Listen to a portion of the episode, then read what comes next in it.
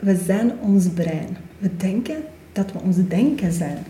Dat hersenen het belangrijkste orgaan in je lichaam is. Maar dus dat, we zijn ons brein niet. Ja. Dat brein, dat zijn onze darmen. Wij zijn Marta en Joanna. Als Food and Mind Experts delen we met jou ons verhaal. Onze persoonlijke reis naar gezondheid. Van ziek zijn naar energieker en krachtiger dan ooit.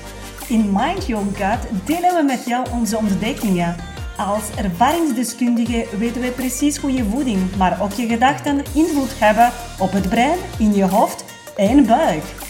Samen met Amy gaan we de microben op je loslaten en je stimuleren om je gewoontes te observeren en ze te upgraden. Als ambitieuze ondernemende journalist die net hersteld is van een zware burn-out, weet ik met welke vragen jij zit. Daarom kom ik de boodschap van Marta en Johanna versterken, zodat ook jij opnieuw kan bruisen van energie. Welkom in de eerste aflevering van Mind Your Gut. En in deze eerste aflevering gaan we dat al meteen uit de doeken gaan doen. Want Mind Your Gut, dat is uw bewustzijn over uw darmen. Marta en Johanna, ik uh, ben daar niet te graag mee bezig, met wat er allemaal gaande is in mijn darmen. Ik, uh, ik vergeet dat liever. Dus waarom is dat zo belangrijk? Om u daar toch bewust van te zijn, van wat dat zich daar afspeelt. Ah, wel, Amy, je bent niet de enige die het onderwerp vrij uh, fragiel of... Uh, ambetant of irritant of gênant. Dat is het beste ja. woord, gênant. Want over stoelgang, darmen, vertering, daar praat je toch niet over. Zeker niet uh, met de taxichauffeur op de bus, met de collega's in de refter. Dat doe je toch niet? Dat is iets heel privé. Intiem. intiem. In, dat zelfs gebeurt intiem. in het kleine kotje. Dus je bent niet de enige, Amy. Ja. Maar langs de andere kant is dat een superbelangrijk onderwerp. Mm. En daarom zijn wij super blij dat we daarover kunnen uh, vertellen. En we voelen ons ondertussen heel vrij om daarover te praten. Ja. Darmen, het woordje darmen, vertering, stoelgang heeft voor ons niet meer die zware lading van daar praat je niet over. Hmm. Wij hebben ergens een gemak gevonden om daarover te kunnen communiceren. En dat is ook wat we altijd proberen te doen. Mensen op hun gemak stellen en zeggen, kijk, no issues, gebruik die woorden, want die woorden hebben we nodig om te kunnen bekijken hoe is het gesteld vandaag met je darmen en met je darm- en mind-connectie. En hoewel we zelf misschien drie jaar geleden of vijf jaar geleden heel vreemd vonden om te praten over verband tussen darmen en brein, vandaag kan je, kan je gewoon het niet meer over hebben. Want er zijn zoveel wetenschappelijke onderzoeken. ja, dat die twee Echt. met elkaar verbonden zijn. Echt wel, de wetenschappelijke onderzoeken die die verband aantonen en zelfs tonen hoe belangrijk dat het is om voor je darmen te gaan zorgen, want afhankelijk van de darmgezondheid heb je wel, wel of niet ontstoken brein. Dus die twee staan in rechtstreekse connectie met elkaar, fysiologisch, via nervus vagus, een belangrijke zenuw. Je kan er niet meer buiten. Ja, een nervus vagus is als het ware een snelweg tussen de beide, tussen de brein en je buik. Ik zal algemeen spreken over het buik misschien, want dat is gemakkelijk. De darmen bevinden zich in het buik. En al die signalen van de brein gaan rechtstreeks naar de buik en omgekeerd. De signalen van de buik gaan rechtstreeks naar de brein. En die beïnvloeden elkaar. Dus mind your gut, we hebben echt wel niet beter kunnen kiezen. Want er zit een woordje mind in, dus hersenen, denken, mindset, Ja. waar we op verliefd zijn. En de gut, ja, ja, je kunt er niet meer buiten. Hè. Als je niet zorgt voor je darmen, voor de beestjes, het leven in jouw darmen, dan kan het zijn dat je ziek wordt en je kan zelfs serieus ziek worden. Want ja, het, het triggert natuurlijk. Hè. Ehm, wat fascineert jullie zo aan, aan de darmen? Hè, we, we, los even van, van de connectie, van hoe het met elkaar speelt. Waarom, waarom zijn jullie eigenlijk daar zo op gaan focussen? Ja, ik zie ons beiden als ervaringsdeskundigen. en het resultaat dat we zien in ons leven gaat ons heel, heel hard eh, aanleiding geven om iets te doen of niet te doen. Ik bedoel, ik bedoel je, Johanna, dat we als ervaringsdeskundigen door focus te leggen op ons darmen bepaalde resultaten hebben bekomen. Inderdaad. Ja. Wij hebben zelf kunnen ervaren wat invloed de voeding bijvoorbeeld gaat op onze darmen en dan ook op onze mindset, op onze gevoel van hoe staan we vandaag in het leven en hoe voelen we ons vandaag. Mm. Nu, langs de andere kant, Amy, om u antwoord te geven op de vraag is, ja, we zijn diëtisten. We moeten toch wel iets weten over darmen. En uiteraard, we hebben pathologie gehad en fysiologie. En daar hebben we in die opleiding, jaar 2000 tot 2003, hebben we gestudeerd, hebben we effectief geleerd over fysiologie van spijsverteringsstelsel. Ja, elke orgaan apart, welke rol dat het heeft, wat gebeurt daarin, welke chemische processen verlopen en welke medicatie zelfs moet je gebruiken om een bepaalde orgaan uh, te genezen. Wat straf is, hebben we nooit iets in dat opleiding gezien van darmmicrobiomen. En dan praten we niet alleen over darmen, het woordje darmen zit er wel in, maar het gaat, het gaat eigenlijk over de microben, maar het zijn niet alleen bacteriën, het zijn parasieten, dat zijn schimmels, gisten. Parasieten. Mm We hebben dat allemaal in onze spijsverteringsstelsel. Niet alleen in de darmen, maar je hebt bepaalde microbiome in je mond. Je hebt bepaalde microbiome in je maag waar heel zure pH is. Je moet zich kunnen voorstellen dat er andere bacteriën kunnen overleven dan in de darmen. En als je kijkt naar die dikke darm, dat is een echte jungle, een ware jungle van microben. Triljoenen microben dat erin leven. En dat hebben we dus niet in opleiding, voeding en dieetkunde niet geleerd. Nee. Waarom zijn we zo getriggerd? Door de darmen. Waarom zijn we gaan... Uh, veel mensen gaan aanspreken en workshops gaan organiseren over fermenteren en over microben, is omdat we zelf ziek zijn geworden. Hmm. En we hebben geen oplossing of geen diagnose gekregen dat ons kon helpen om terug gezond te worden. Ja, een diagnose of oplossing van buitenaf dan, van een hulpverleners. Want we hebben een hele marathon van hulpverleners gelopen. Van huisarts naar kinesisten, naar specialisten. Naar osteopaten en dan chiropractors. En je gaat altijd maar een stapje verder en verder en verder. Ik, ik kan daar ook een, eh, een eindje over meespreken. Ik heb ook mijn eigen uh, doktersmarathon gelopen. Um, en, en het treft mij echt, want um, geen één daarvan heeft ooit gesproken over hoe gezond zijn mijn darmen. Mm. Dat is nooit ter sprake gekomen. Dus wat maakt dat, dat in, in dat gehele plaatje, dus, dus als je ziek bent, wat maakt dan het verschil als, als je ook gaat kijken naar die darmen? Mm. toen wij ziek zijn geworden, hebben we niet direct connectie gelegd met de buik. Mm. Niet direct. Helemaal niet. Maar intuïtief, achteraf gezien, want vaak zie je dingen achteraf, zijn we wel echt wel naar ons buik gaan luisteren. We zijn uh, heel bewust gaan nadenken wat is nodig om terug gezond te worden. Want de diagnose van fibromyalgie of chronische vermoeidheidssyndroom, daar waren we niks mee. We hadden twee kleine kinderen in huis. We wilden er niet, geen vrede mee nemen. Ja, en dat is zo een, een label je hebt dat voor de rest van je dagen. Hè? Leert er mee leven. Leert er mee leven. Ja. Ik, uh, ik heb zelf ook zo een, een labeltje gekregen, uh, maar een vriend van mij ook. En, en dat is mij altijd bijgebleven. Die kampte met zoveel rugpijn. Die had ook een hernia, maar dan was later ook uh, de, het, ja, de diagnose van fibromyalgie gesteld. En die arts die zei rechtuit tegen hem, hij zei van, ja, maar wat, wat moet ik doen? Ik ben, ik ben pas dertig. Ik heb twee jonge kinderen. Dat is ook iemand die optreedt. Uh, wat, wat moet ik doen? Een beetje minder leven, zei hij. Oei. Een beetje, beetje minder, minder, leven. Ik vind dat verschrikkelijk. Ja, ik zat er in een groep hè, met allemaal patiënten, CVE's. Mijn eerste afspraak, ik moest daar komen, ze gingen me diagnose geven. Maar dat was al direct in een groep van de mensen die met dezelfde diagnose zaten te kampen. En ik kijk naar die mensen en ik had zoveel medelijden met die mensen, want ze zagen er echt niet gelukkig uit. En ik dacht, ik wil niet zo zijn binnen een jaar of twee of drie. Ik, ik wil gelukkig leven. Moet ik, omdat ik die een label heb gekregen, nu zich uh, aansluiten bij die groep van de mensen die eigenlijk in mijn ogen een beetje losers zijn. Mhm. Sorry dat ik het woord ga gebruiken. Maar ik vind dat schitterend, Johanna, want je bent bewust geworden van wat je niet wilde. Ja. Je wilde de diagnose niet van chronische vermoeidheid en je mhm. wilde ook niet bij de groep horen van mensen die zich eh, beschouwen, sorry voor het woord, als slachtoffers. Slachtoffers. Ik wou die slachtoffers ze worden Wel, ze worden wel in die rol geduwd. Klopt, hè? klopt. Ja, spijtig genoeg. Ja, een, een, aantal jaren na die diagnose kun je zo spreken, maar ik weet dat bij mij, toen, toen, toen dat woord viel, het enige wat, wat in mijn hoofd kon spoken, net doordat er gesproken wordt van chronische pijn, had ik het idee van dit is voor altijd. Ja, daar moet Dat is ik nu vonnis, rekening Dat mee is geen houden. diagnose, het is En een daar kon ik geen vrede mee nemen, want ik was een jonge mama van twee kinderen. Ik moest die twee kinderen nog in mijn eigen gedachten had ik het gevoel, ik wil ze leven laten zien en ervaren. Ik wil ze zoveel mogelijk van mijn eigen geven, zodat ze zelfstandig en krachtig in het leven staan. En dan dacht ik, en ik moet hier op vergaderingen komen van de mensen die ongelukkig zijn.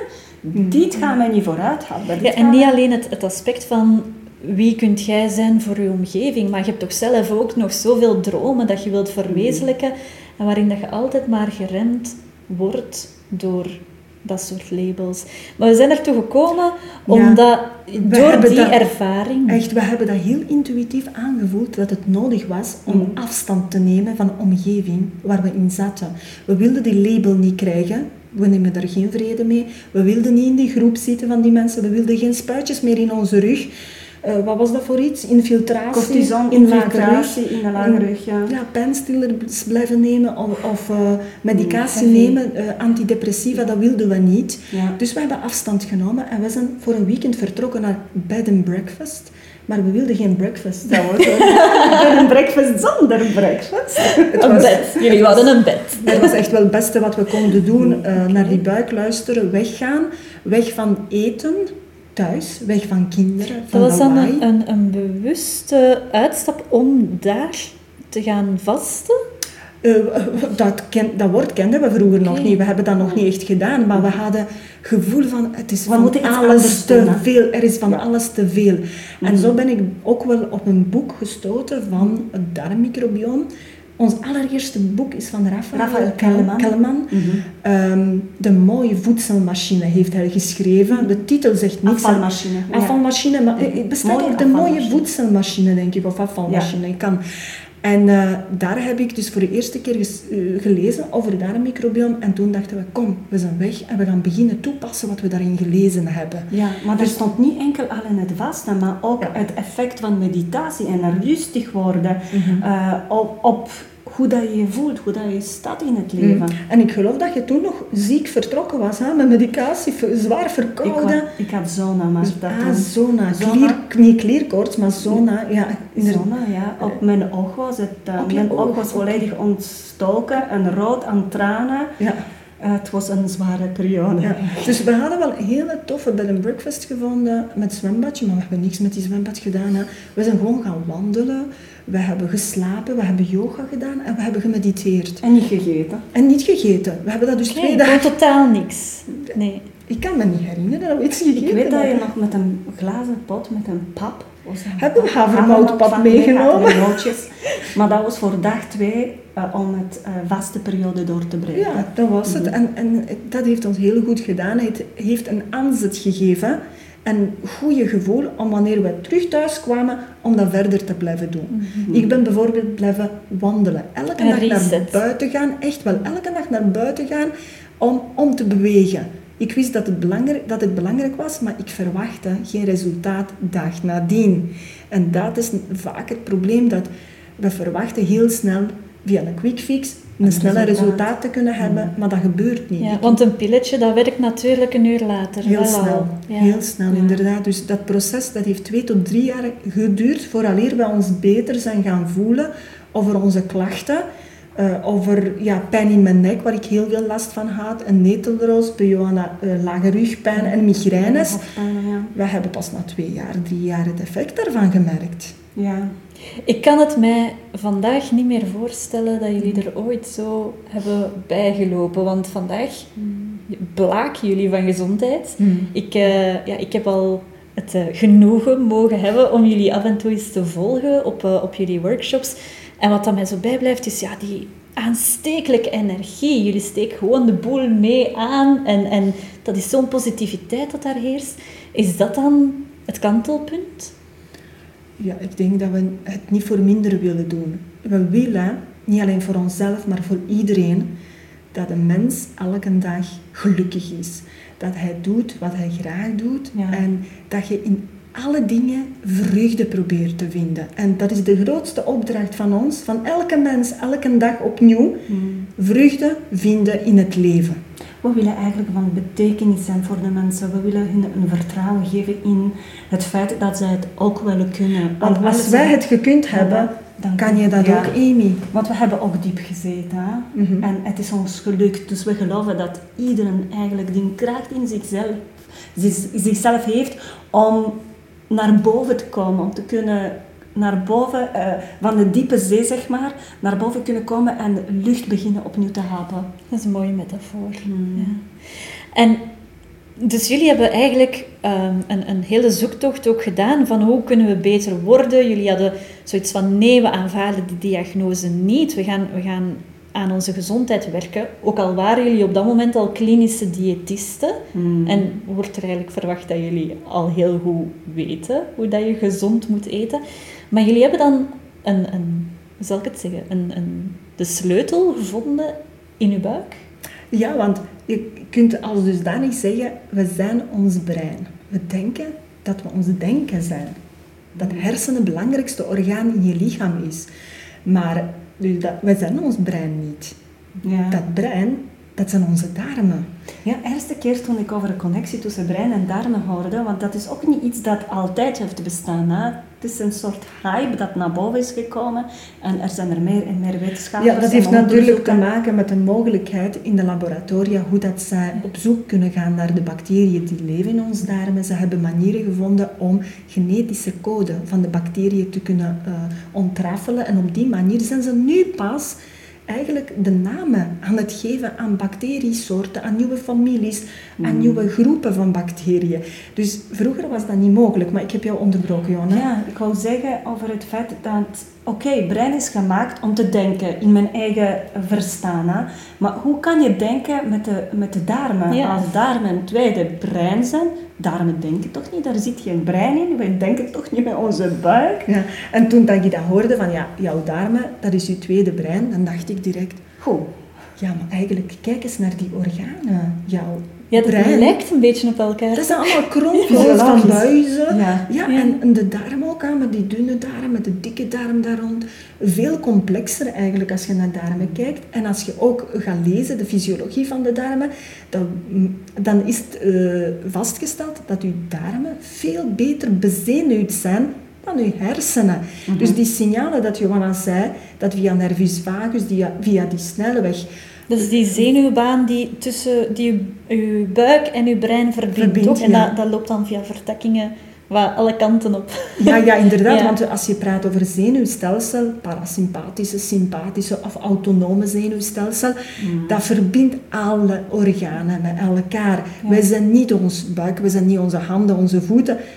Alles is met elkaar verbonden. Dus uw kennis die zei dat een lage rugpijn had, dat kan best zijn dat dat in zijn darmen begonnen is. Ja. Elke ziekte begint eigenlijk in de darmen. Maar dus de, de signalen die komen van de brein naar de darmen, die zijn in mindere mate aanwezig, want er zijn veel meer prikkels die vanuit darm naar de brein komen. Want darmen zijn echt heel sterk bezenuwd. Daar zitten ook neuronen die informatie in ons lichaam verspreiden, ook van de darmen naar brein rechtstreeks gaan. En het heeft niet alleen te maken met fysiologie, fysiologie van de darm zelf, maar eh, de, de darmmicrobioom, de beestjes die erin leven, communiceren, sturen, zenden signalen uit naar de darmwand en die signalen worden opgepikt door de brein. Ja, dus we zijn heel logisch gaan nadenken. Oké, we hebben brein, we hebben darmen, we hebben eh darmbeestjes, een microbioom die daar in de buik zit. En dan, oké, maar hoe kunnen we dan invloed hebben op die darmmicrobioom om onze darmen te verbeteren en om die misschien signalen van de darmen naar brein anders te maken, beter te maken. Dat was nog altijd niet allemaal even klaar in onze hoofd, maar we zochten echt de logica daarachter. En de eerste ding dat in onze gedacht kwam, was het voeding. Alles wat je in je mond stopt, gaat toch naar jouw buik.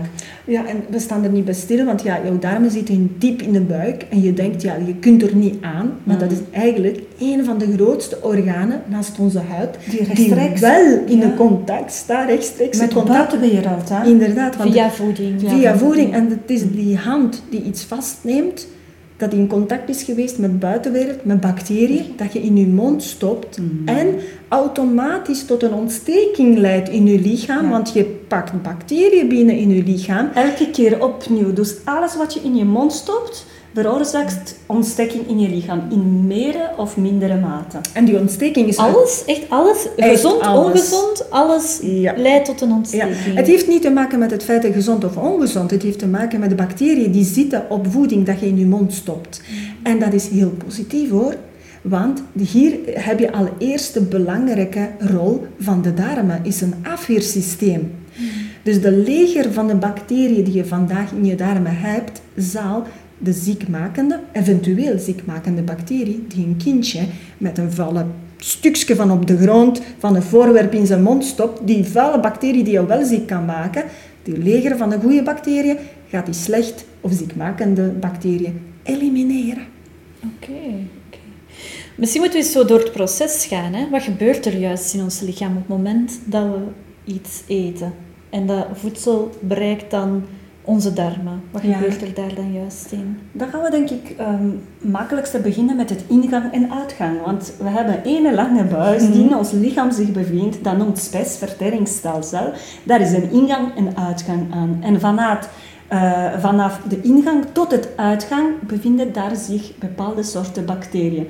Op elke plek van die In traject elke halte. Ja, Ja, en ja. is er een beetje andere ecosysteem. Want Marta zei in het begin van, het is een echte jungle in die dikke darmen.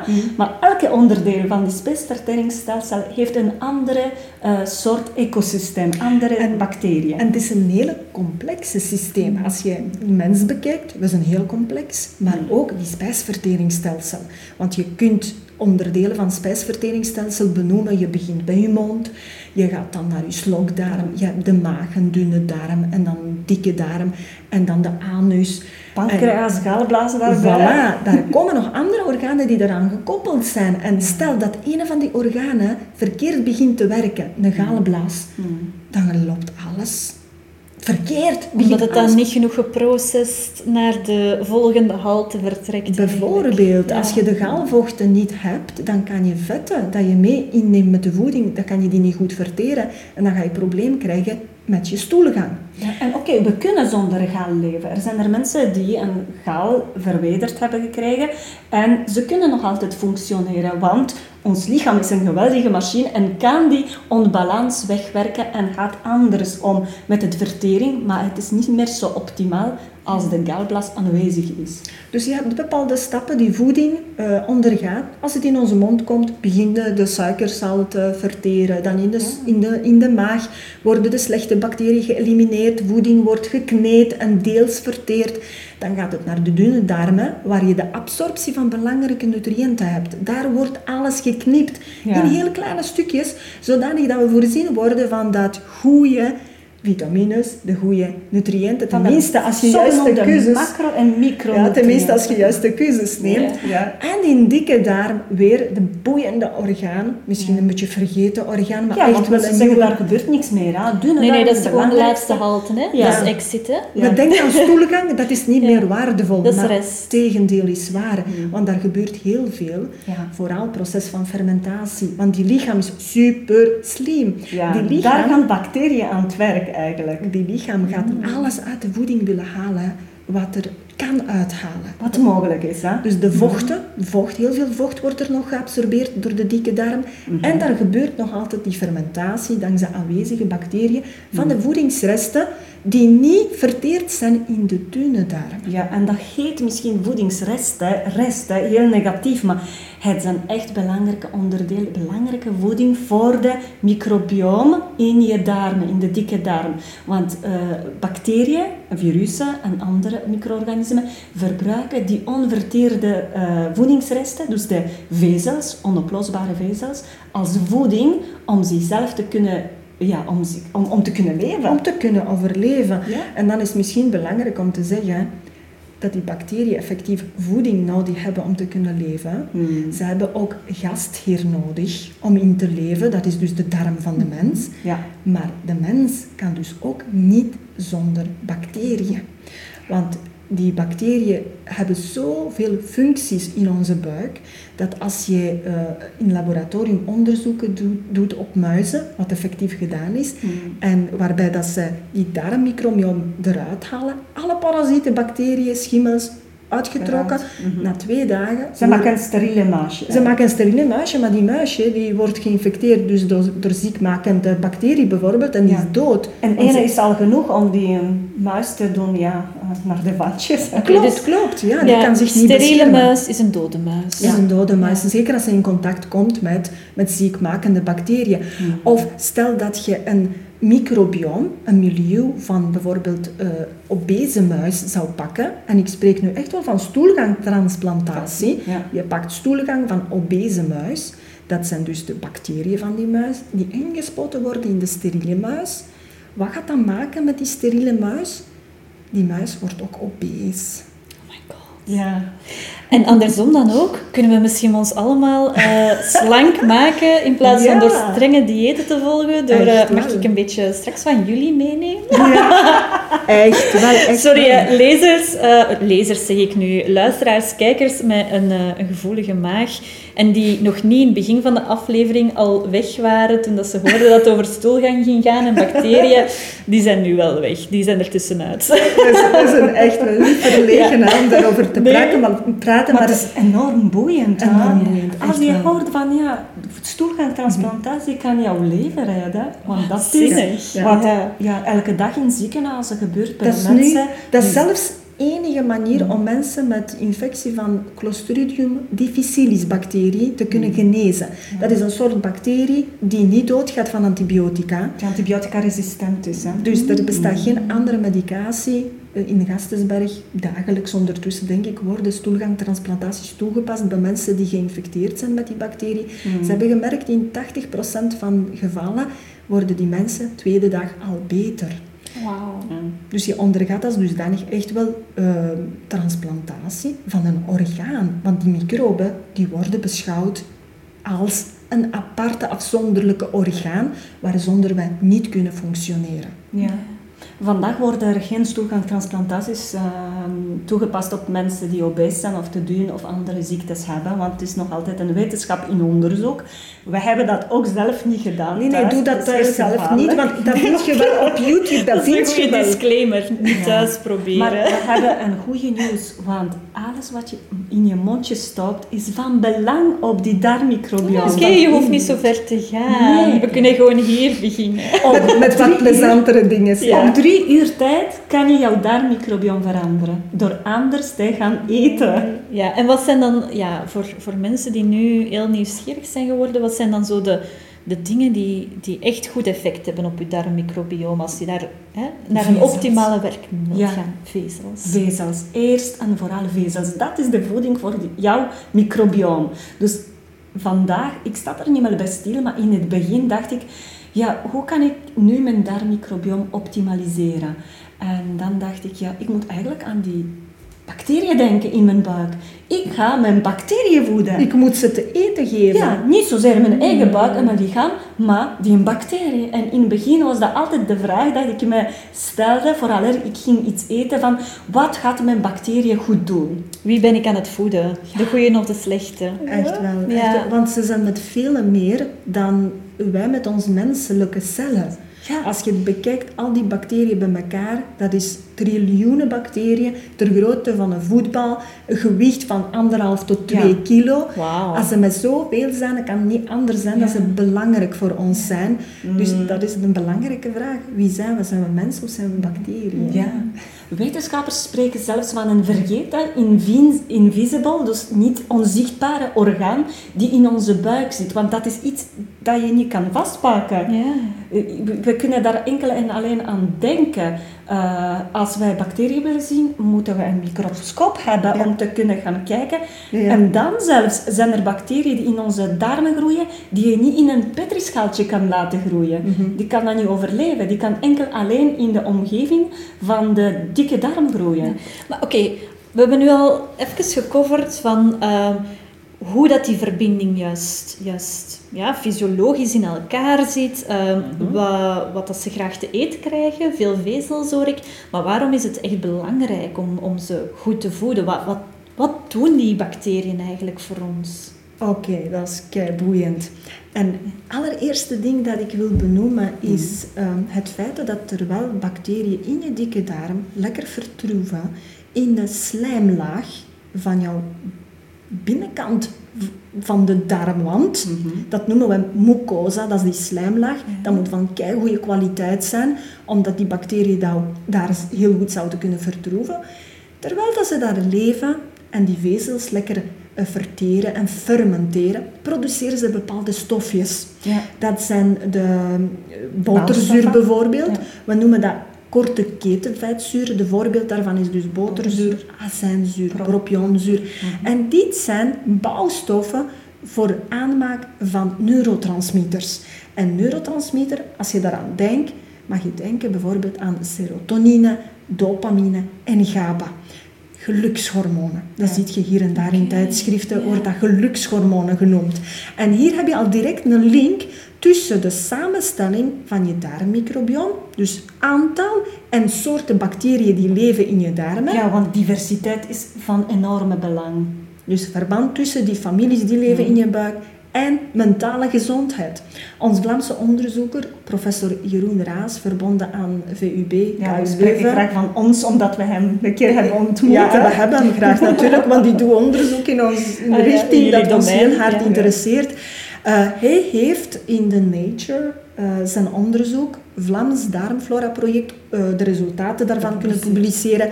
En er is effectief connectie, verband gevo- vo- gevonden tussen de bacteriën die leven in je buik en jouw mentale gezondheid. Er is dus gezien dat in de stoelgang van depressieve, depressieve Patiënten, mensen, patiënten, dat er twee soorten of stammen bacteriën ontbraken. We spreken over dialister en cocro- Coccropoccus of Coprococcus.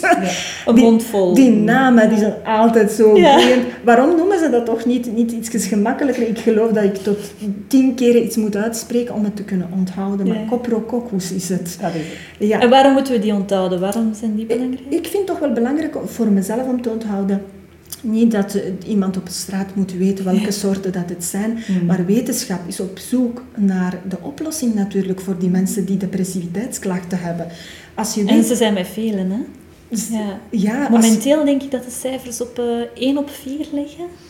Dankzij de pandemie natuurlijk. Ongelooflijk. Is dat de cijfers sterk toegenomen. Maar ehm, ja, 1 op 4 heeft, heeft last van, van mentale problemen. Of dat dat dan depressie of angststoornis is. Maar, maar beide zijn gelinkt hè, aan, eh, aan, Klopt, aan ja. gelukshormonen. Ja, als, dus, als je dus de juiste bacteriën in je darmen hebt, die de korte, ketenvet, korte ketenvetzuren produceren, heb je voldoende bouwstoffen om die neurotransmitters aan te maken. Dus om depressieve klanten of patiënten te kunnen behelpen, heb je die twee bacteriën dan nodig.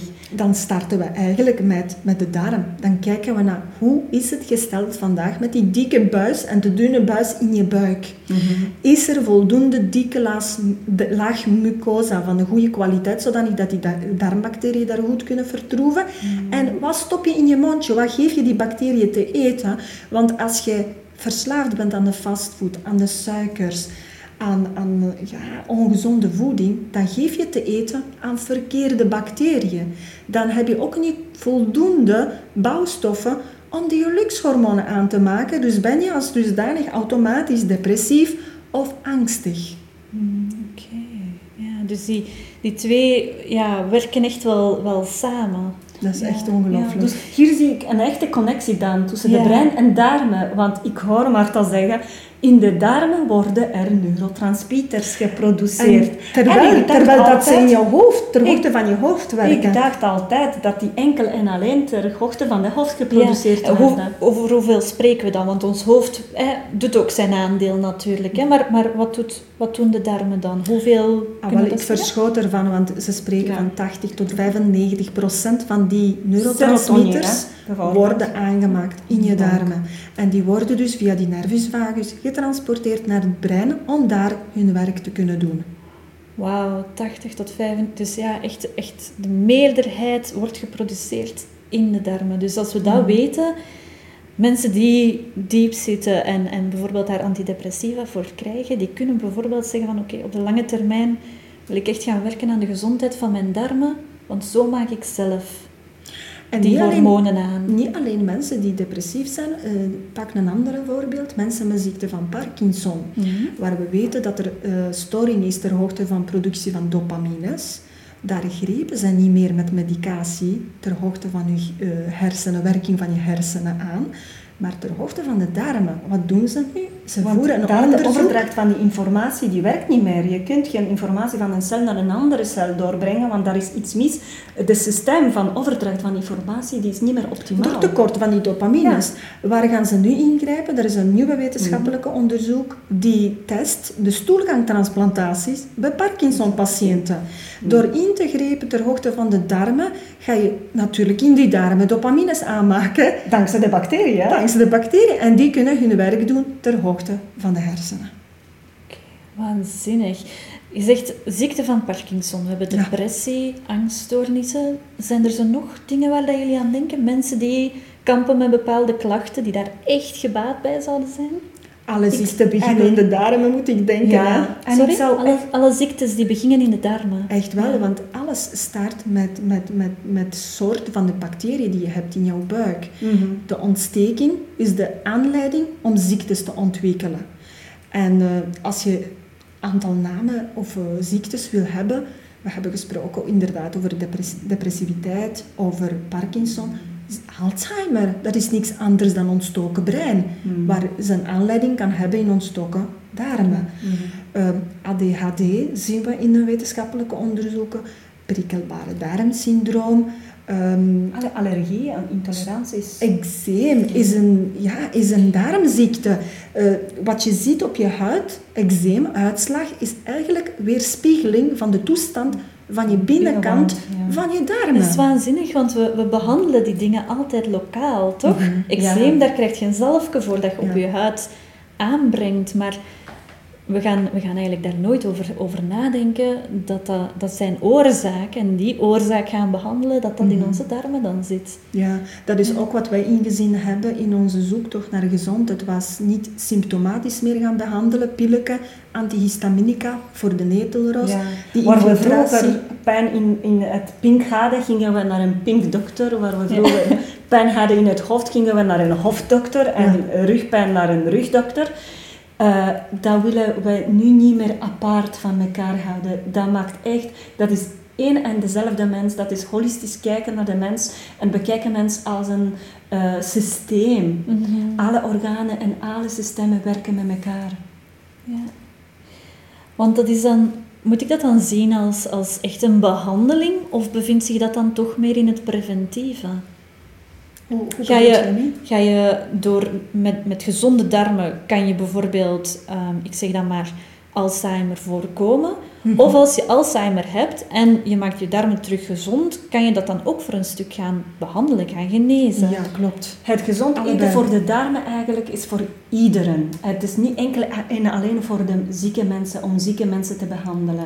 Het diëtetiek is ontwikkeld om eigenlijk mensen te helpen die eh, in, met een bepaalde pathologieën te maken hebben. Mensen die in ziekenhuis li- liggen en hebben een ondersteuning nodig eh, in, in een vorm van de bepaalde voeding om eh, zich te kunnen genezen. Dat is het diëtetiek, dat is het klassieke behandelen van de ziektes. Maar mensen zouden vandaag moeten gaan kijken naar het eh, lichaam als volledige systeem en al van in het begin, van het moment dat we geboren worden, ons gaan voeden op manier die ons gezondheid ondersteunt. En dat begint al bij dat kleine babytje die door de borstmelk al voldoende vezels meekrijgt om te eten te geven aan die allereerste bacteriën die in dat darmje zitten. Ja. Dus we zijn gemaakt om te eten voor die bacteriën. Dus het werkt preventief, maar het werkt ook curatief, zeker en vast. Want ik vraag me dan af, hè, we spreken over, over heel veel uiteenlopende ziektes. Hoe komt het dan dat dat, dat, ene, dat, dat, dat, dat ene orgaan, die darmen, voor zoveel verschillende ziektes de oorzaak kan zijn? Ah, wel, Hippocrates heeft het al jaren geleden gezegd. Ja, alle ziekte eh, bes- ontstaat in de darmen. En hij zei, ehm, gebruik uw voeding als, medicijn. En, en ja, eh, we willen al enkel en alleen naar medicijn kijken als medicijn, dat kleine Maar Als je kijkt ook naar de medicijnen, vroeger mensen van, eh, van, ja, eh, van begin van hun oorsprong, ze gebruikten planten als medicijn. Medicijn, ja. En voeding eigenlijk is niks anders. Dat is een plantaardige wereld. Maar medicijnen zijn ontwikkeld ook vanuit de planten, oorspronkelijk. Ja. Al die actieve stofjes zijn uitgepikt is uit wat die planten en in pilletjes gestopt. Ja. En mensen geloven dat die actieve, kleine actieve stofjes in die medicatie, Ja. dat die eh, ja, hun gaan genezen, maar geloven niet meer dat dat te vinden in de voeding is. Ja, want die actieve stof is in veel meer hoeveelheid aanwezig in de voeding dan in dat kleine pilletje. Ja. Oké, ik denk dat misschien ons, ons publiek eh, er wel aan toe is om, eh, om te weten hoe dat ze nu echt kunnen gaan voor een optimale, gezonde darmen. Ik vind dat fijn dat je zegt optimaal. Want Ja. gezonde darmen, daar bestaat eigenlijk geen definitie voor. Mhm. Wat is een gezonde darm? Het is heel moeilijk om te zeggen, want iedereen heeft een andere darmmicrobioom. Zelfs jullie, als Zelfs- identieke ja, tweeling? zelfs Ja? Voor 99% onze genetische code is eh, gelijk, Mhm. maar darmmicrobioom zeker en vast niet. We hebben wel dezelfde start gekregen, want we komen uit dezelfde mama, uit dezelfde geboortekanalen. We hebben dezelfde eerste infectie gehad van, met, met, da- eh, met micro-organismen van ons mama. Maar onze omgeving vormt uiteindelijk bepaald hoe dat die eh, microbioom uiteindelijk wordt. Dus we kunnen spreken van dezelfde blauwe print, blueprint van de darmflora, van de darmbacteriën. Maar het feit ehm, van de omgeving waar we ons in bevinden, maakt het verschil, uiteindelijke verschil. Ja, dus een gezonde darmmicrobioom bestaat niet, maar wel optimale. En wat is dat optimale microbioom? Jij wilt, Amy, heel veel soorten bacteriën hebben in jouw buik. Ja. Veel soorten, maar ook heel veel aantallen. Dat zijn twee criteria waar we naar kijken. Variatie en kwantiteit. En dus nu niet belangrijk of het meer eh, lactobacillen zijn eh, of bifidobacteriën. Het is echt het aantal van de familie. Want er zijn er miljoenen bacteriën. Elke dag, of triljoenen, er worden er nieuwe en nieuwe stammen en familiebacteriën ontdekt waarvan we nog geen namen voor hebben. En als je weet dat je heel veel verschillende soorten bacteriën wilt hebben, en als je weet dat elke soort bacterie zich met andere vezels voedt, dan de beste advies die wij kunnen geven aan de luisteraar is heel veel variatie. Variatie in vezels. En waar vind je vezel? Mhm. Dat In vind je in pure plantaardige voeding die afkomstig is van de natuur en niet zozeer vanuit fabriek. Ja. Als wij echt wel definitie moeten geven van, van gezonde voeding, eh, dan is het effectief voeding die we zo terug kunnen vinden in de natuur. ja. Voeding zonder label eigenlijk. Dat hè? vind ik ook altijd een mooi dat er voorbeeld. geen plakker moet op gaan staan en dat er twintig of nog meer voedingsstoffen, of eigenlijk niet voedingsstoffen, maar chemische stofjes in zitten, die uiteindelijk maken wat jouw uiteindelijk product is. Nochtans, 90% van de supermarkt of zo, laat ons stellen. Ik eh, hou er mij niet aan, eh, aan die cijfers, maar eh, hoe klein is, is de afdeling groente, fruit Ten opzichte van en de rest van de noten dan bijvoorbeeld ook, neem ik Pieten, aan. noten, zaden horen Ja. ook bij. Ja. het is een, Ja. Dat zijn natuurlijke voedingsmiddelen. Het is een tweede jungle eigenlijk. Als je in de supermarkt binnenkomt, dat is verschrikkelijke jungle van keuzes dat je moet maken en je weet niet meer wat je moet nemen. Eh, denk aan een maaltijd. Ik zie voor mij gewoon een pan waarin ik lekkere pastinaak heb in slierte eh, geschraapt. Ja. Pastinaak, Uitjes. zoete aardappel, uien is altijd een basis van elke gerecht. Daar ligt look op. Ik heb al vier, vier ingrediënten. Champignons. Ik doe er wat spinazieblaadjes bij, champignon en ik doe er eitje bij. Champignons. Dus Begin een woord te krijgen van jullie te horen spreken. Dus een morgen kom ik hier binnen bij Marten en ik zie een hele hoop champignons. En ik denk, wat is die aan het doen? Waarom heeft ze zoveel portobello's in huis gehaald? En ze zegt, ik heb gewoon inkopen gedaan. Ik ga koken, eten maken. Ja. En met twee champignons heb kan ik niet niks genoeg. doen. Nee, want vandaag als ik een maaltijd klaarmaak, dat is niet meer champignon als versiering bij de gerecht, Maar dat, dat is echt wel Geen gerecht. Dat is hoofdingrediënt. Geen champignonsaus over de steak met de Nee, frietjes nee. en misschien een klein bladje sla. Nee, en, als we twee champignonnen eten, dan eten we effectief champignonnen. En dat zijn shiitake, kastanje en, en oesterzwamen en gewone witte champignonnen bij elkaar. Hmm. En daar maak ik lekkere gerecht van. En als je champignonnen eet, dan weet je dat, Daar je ui bij, daar eet. gaat peterselie bij, daar kan spinazie bij komen. Ja.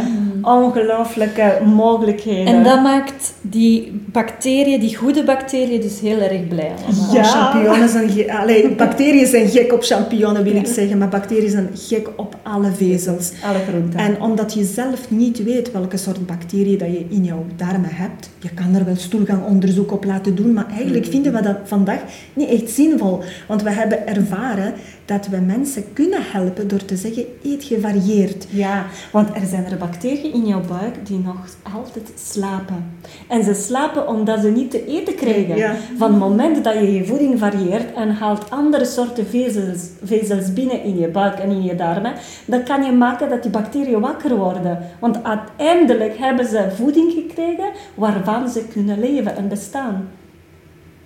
Oké, ik weet wat doen. Straks eh, een regenboogmaaltijd dan. Ja, ja. ja. we gaan dat maken, hè? Ja. We gaan dat doen. Alright. Ik, eh, ik vraag me af, hebben we, hebben we het nu gecoverd? Zijn, ja, weet ik nu wat dat ik moet weten om te begrijpen hoe belangrijk dat die darmen zijn voor mij? Ja, ik denk dat die connectie tussen brein en darmen dat die heel duidelijk is. Ja. Dat die bacteriën die daar in die darmen zitten, hun werk doen, produceren de bouwstoffen voor de neurotransmitters, die zowel ter hoogte van brein als darm hun werk doen en ons gezondheid gewoon onderhouden en ons gelukkig maken. Ja. Ja. wat we zeker moeten onthouden is dat onze darmmicrobiom en darmen, of darmen samen met darmmicrobiom dat erin leeft, dat dat echt een aparte orgaan is waarvoor wij zorg willen dragen en dat het super belangrijk is voor onze algehele gezondheid. Ja, dus de conclusie is dat door anders te gaan eten, door, door anders ons te gaan voeden of ons microbiom gaan voeden, kan je gezonder worden. Gezonder en gelukkiger. Ik denk dat veel mensen daar ook Ja. nood aan hebben. Ik denk dat veel mensen niet per se altijd de grootste prioriteit toekennen aan hun, aan hun gezondheid. Dat ze Mhm. heel graag zondigen met die suikers bijvoorbeeld. Ehm, maar het idee dat je gelukkiger kunt worden van een wortel meer te eten. Maar dat wil zeggen dat je geen eh, suiker niet meer in je leven kan eten. Dat je niet meer van het eten kan Niks genieten. bannen eigenlijk. Want wij, wij genieten elke dag opnieuw van het leven door het feit dat we zoveel groenten mogen eten. En als jouw basis in orde is, als jouw basis, als jouw fundamenten Sterk genoeg zijn, als die darmflora daar aanwezig is, dan kunnen zij met die suiker, met die frietjes en met die steak een keer En- kunnen omgaan. En ook zelfs met de stress, hè? want dat is ook een van de factoren Ja. dat van invloed is op darmmicrobiom dat je in je buik hebt. Als die basis sterk is, zoals je Johanna zegt, dan kan je alles aan. Je lichaam flexibel maken is het belangrijkste wat we moeten doen. Flexibele darmmicrobiom creëren die met elke omstandigheid kan omgaan. Ja. En ja, sorry, jij wou misschien wel zoiets goed. Ja, zeggen? want Marta spreekt van, ehm, ja, eigenlijk van stress. Mhm. En ik dacht direct over, aan- meditatie, aan beweging. Mindset, ja. Een mindset, dat het ook van belang is voor je darmen. Het moment dat je gaat slapen, jouw darmen rusten, dan geef je het moment aan je eigen lichaam om, om te kunnen resetten. Om die darmmicrobiom ook, dat die een keer rust krijgt, dat die kan lekker ja, slapen, zeg maar. Ook Dus- samen met ons mee. Meditatie doen we niet alleen om, om dit brein leeg te maken, maar ook om, Ja. eh, om dit brein eh, Ja. te laten ontspannen. Ja. Want het gaat zelfs verder als we daar echt wel op, heel diep op wi- willen gaan. De nieuwe onderzoeken tonen zelfs aan dat die darmmicrobiom, die denkt mee, die voelt mee, die kan ruiken en die kan jou doen ehm, zich gedragen op bepaalde manier.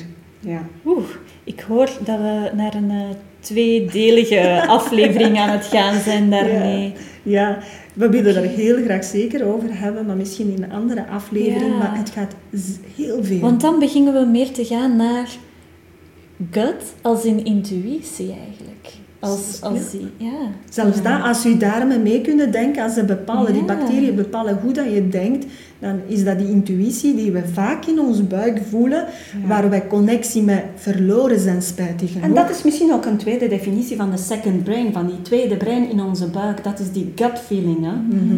Klopt, ja, mooi. De intuïtie, wij zijn verleerd om daarnaar te luisteren, omdat we met zoveel andere prikkels te maken krijgen, dat we niet meer weten welke prikkels van belang zijn voor, voor ons. We zijn eigenlijk heel ongevoelig geworden wat onze gut betreft. We luisteren niet meer naar onze uh, uh, gut feeling, omdat we het gewoon niet herkennen. Terwijl uh, dat meditatie dat wel behelpt, of kan, kan behelpen om stil te worden en echt naar binnen gaan en echt ogen sluiten en een hand op je buik en hart leggen. En echt gaan aanvoelen, hoe voel ik me nu van binnen? Wat is er gaande? Mhm. Even terug connecteren met jezelf, ja. diep van binnen. Um, ik denk dat we dus afsluiten met een hele mooie belofte van uh, nog een waanzinnig interessante aflevering ja, dat er zit aan te komen. Ik, ik vond deze al waanzinnig interessant. En ik zeg, we sluiten af met een, een, belofte aan een mooie aflevering, maar ik denk, we sluiten ook af met een boodschap van hoop. En je kan jezelf terug gezonder eten. En ik wil nog even vragen, kan dat voor iedereen op eender welk moment van hun leven? Nu, op dit moment kan je er nu al verandering aanbrengen. en dat heeft niks met hoop te maken. Echt, we met kleine stappen. We hebben volledige vertrouwen in dat iedereen kan, beter worden. Ja, want als wij dat kunnen, kan iedereen. Ja. Wij zaten daar ook heel wanhopig met fibromyalgie, met pijnen, met depressiviteitsklachten. En we zijn er bovenop gekomen. En ik zie tranen in jouw ogen. Ja, het, het, komt natuurlijk binnen, want het is, het is heel herkenbaar. En ik, ik ben nog... Oh, ik, ik zie dit bijna als het sluitstuk van mijn eigen helingsproces. Um, ik heb heel veel op, op deze mind gewerkt. Uh, en, en die zit heel goed, die is krachtig vandaag. Maar ik ben dus ja, waanzinnig benieuwd om, uh, om nog meer bij te leren over hoe ik ja, nog, nog meer kan helen, dankzij ook te focussen op die, op die darmgezondheid. Op die tweede brein. Hè? Op dat tweede brein, ja. inderdaad.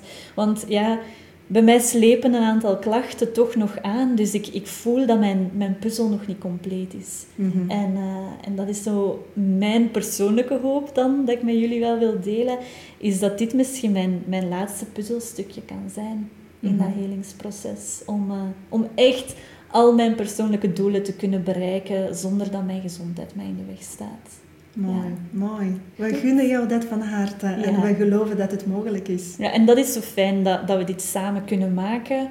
Want het is, het is ja, een gedeelde interesse, um, maar ik heb nog zoveel dat ik van jullie kan leren.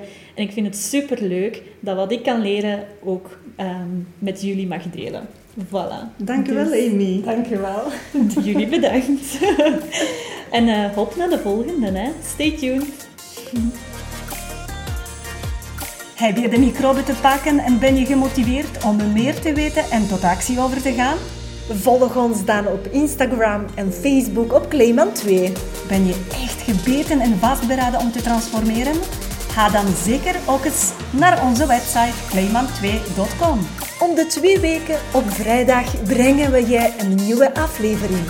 Maar tot die tijd, kies bewust en remember, always mind your gut.